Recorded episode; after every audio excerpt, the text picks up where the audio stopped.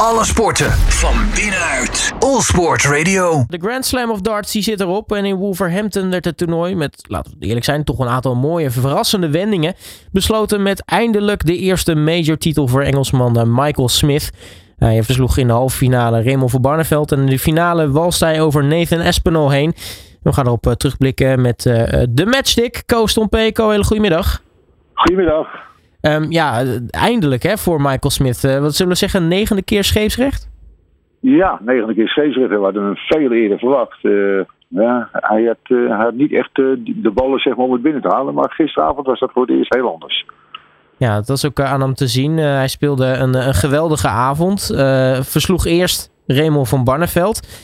wat sowieso denk ik mooi is om, om die weer een keer in de halve finale te zien. Ja, maar het was alleen jammer dat hij niet meer dezelfde kracht had als dat hij dat had eh, in alle wedstrijden daarvoor. Waarin hij echt superieur speelde. En nu liep hij steeds achter de feiten aan. Pakte nog wel heel veel kansen uit. Hij werd nog best tot zeg maar 10, 10, 11, 11 werd nog heel spannend. Maar daarna was de pijp uh, was leeg bij hem. En uh, ja, hij moest er eigenlijk constant achteraan ervoor. Dat was wel jammer, want zoals die twee wedstrijden die van Gerwin Price nummer 1 van de wereld won. Ja, dan was hij echt magistraal. Ja, maar Raymond van Barneveld, is hij nou weer nu helemaal terug? Of, of was dit, was dit een incident? Nou, dit, dit soort toernooien wel. Kijk, op de vloer is voor hem gewoon heel lastig, omdat het lange dagen zijn. Veel wedstrijden op één dag. En je ziet dat hij gewoon ontzettend goed kan pieken wanneer hij zich kan voorbereiden op één specifieke wedstrijd. Het is echt een matchplayer en, en dat zie je, op dit toernooi zie je dat echt terug.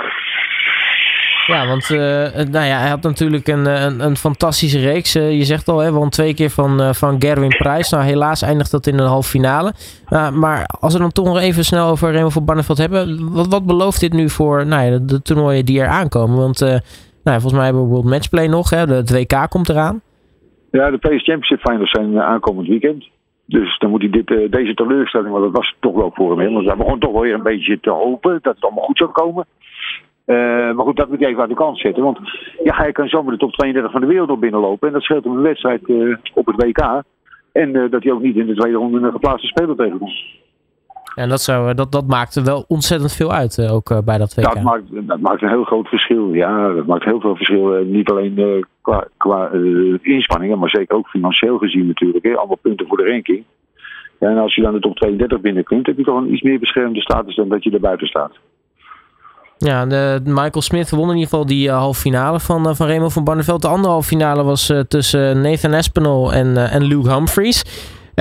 ja, beide jongens die dit toernooi toch ook al een Nederlander hebben uitgeschakeld. Waarbij de grootste verrassing denk ik toch was Luke Humphries die Michael van Gerwen uitschakelde. Ja, maar van Luke Humphries weten we dat hij lekker in zit. Won 4 euro tours dit jaar. En uh, over dat soort zaken. Dus we wisten dat hij goed kon spelen. En je weet, uh, Michael van Gerwen, ja, het is wel, het is niet. En, en uh, ja, dit keer was het niet helemaal. Het waren goede wedstrijden, maar er zaten een paar hele smerige finishes tussen van, uh, van Luke Humphries. Ja, die deden Michael de om uiteindelijk. Ja, en dan komt hij Nathan Espinol tegen in de halve finale. En dan ja, lukt het toch niet helemaal tegen, tegen, tegen Espinol. Uh, nee, maar goed, weet je, dat is nou weer het punt. Uh, ze spelen een bepaalde finale. En die Espinol, dat is zo'n bijtetje, die blijft doorgaan. Die blijft maar knokken en vechten. En die raak je nooit kwijt. Die, daar hebben we eerdere wedstrijden van gezien op dit toernooi. Achterstand. Hij blijft altijd doorknokken en pakt zijn kansjes. Alleen gisteravond in de finale was, was hij helemaal leeg. Kon hij niets meer naar voren brengen. Maar voor de rest van het toernooi heeft hij de grote fantastisch toernooi gespeeld. Ja, want uh, Nathan Espinol, uh, als, we, als we ook naar zijn, zijn wedstrijden kijken en, en, en zijn, zijn uh, gemiddeldes misschien ook wel een beetje erbij pakken. Hij, hij, heeft in tegenstelling tot een hele hoop andere spelers eigenlijk heel erg vlak gespeeld. Hè? Hij heeft geen, geen ja. uitschieters gehad of, of hele hoge gemiddeldes. Of waar, waar je denkt van nou, dan, dan was hij echt wel overduidend te beteren.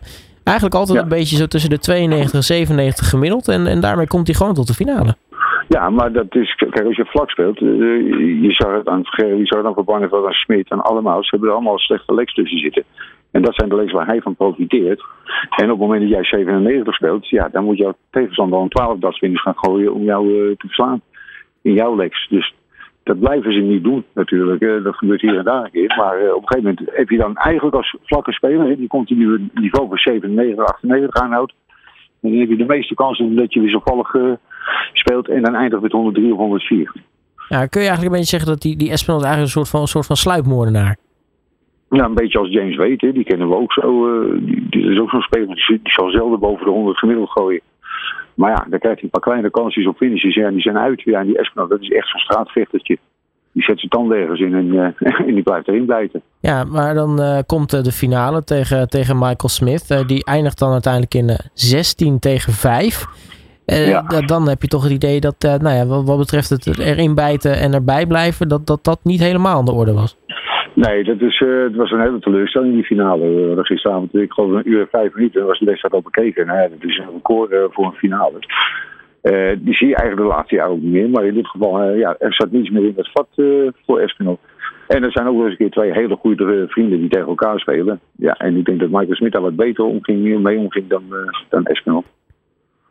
Ja, dan uh, pakte uh, Smith dus uh, eindelijk die, die major titel. Wat, wat, wat, ja, het deed natuurlijk best wel wat. Hè? Dat, dat zag je ook op, het, op het podium en, en in de interviews na afloop. Um, hij kan er dus van genieten, maar, maar wat, wat, wat kan hij hieruit meenemen ook voor bijvoorbeeld een WK?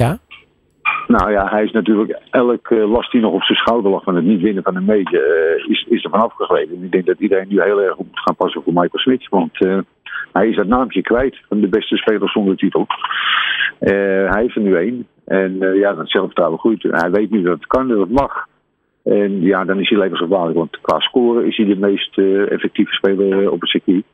Alleen hij liet zijn dubbels nog wel eens liggen. Ja, en dat gaat nu alleen maar sterker worden, denk ik.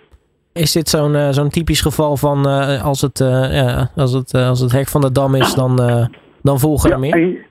Eén schaapje over de dam in de volgende meer. En uh, ja, goed, dat hebben we toen ook gezien met uh, Michael Vergeer. Die heeft ook zes jaar lopen uh, prutsen om maar een titel binnen te krijgen. Nou, toen die eerste er was, ja, inmiddels heeft hij de 43 op zijn naam staan, televisietitels. en voor Adrian Lewis geldt hetzelfde. En dat gaat nu ook voor Michael Smit gelden. Ja, bombardeert hij zichzelf mee hier nu uh, gelijk tot, tot misschien wel een van de titelfavorieten voor het WK? Ja, maar dat is hij eigenlijk altijd wel. Alleen ging iedereen ervan uit, ja, maar een finale winnen, dat lukt niet. Dus hij zal wel tweede worden. Weet je, hij heeft al een paar WK-finales gespeeld ook. En verloren. Tegen Peter Wright had hij bijvoorbeeld moeten winnen, die finale. Ja, hij kreeg het niet van elkaar. Ja, die angst is nu weg. Ja, dus uh, de deelnemers uh, opgepast, uh, zouden we bijna kunnen zeggen. ja, tot slot, dat zei hij zelf gisteren ook al hoor. Ja, ja precies. Uh, tot slot, als je nu kijkt naar, naar deze editie van, van de Grand Slam of Darts, wat, wat is jou nou het, het allermeest opgevallen? Nou, dat er best wel een behoorlijk niveau gespeeld werd. Vijf Nederlanders die deelnamen, wat best wel veel is. en waarvan er ook vijf door de groepsfase heen kwamen. Alleen ja, uiterst teleurstellend dat er maar één in de halve finale stond en geen één in de finale. Um, en voor het overige denk ik dat ze er vanaf moeten stappen om uh, halve finales en finale op één dag te spelen. Nu komen er dus uh, nog, uh, nog, nog twee belangrijke toernooien aan, waaronder dus het, het WK. we gaan ons er ontzettend op verheugen, laten we eerlijk zijn, want het gaat, dat is, dat is altijd toch weer traditioneel, hè? kerst, oud en nieuw, lekker darts kijken, dus dat komt helemaal goed. Dus ja. Koos P, mag ik je hartelijk danken voor je tijd en natuurlijk heel veel succes en plezier ook de komende weken met, met alles wat darts is. Dankjewel. Alle sporten van binnenuit. All Sport Radio.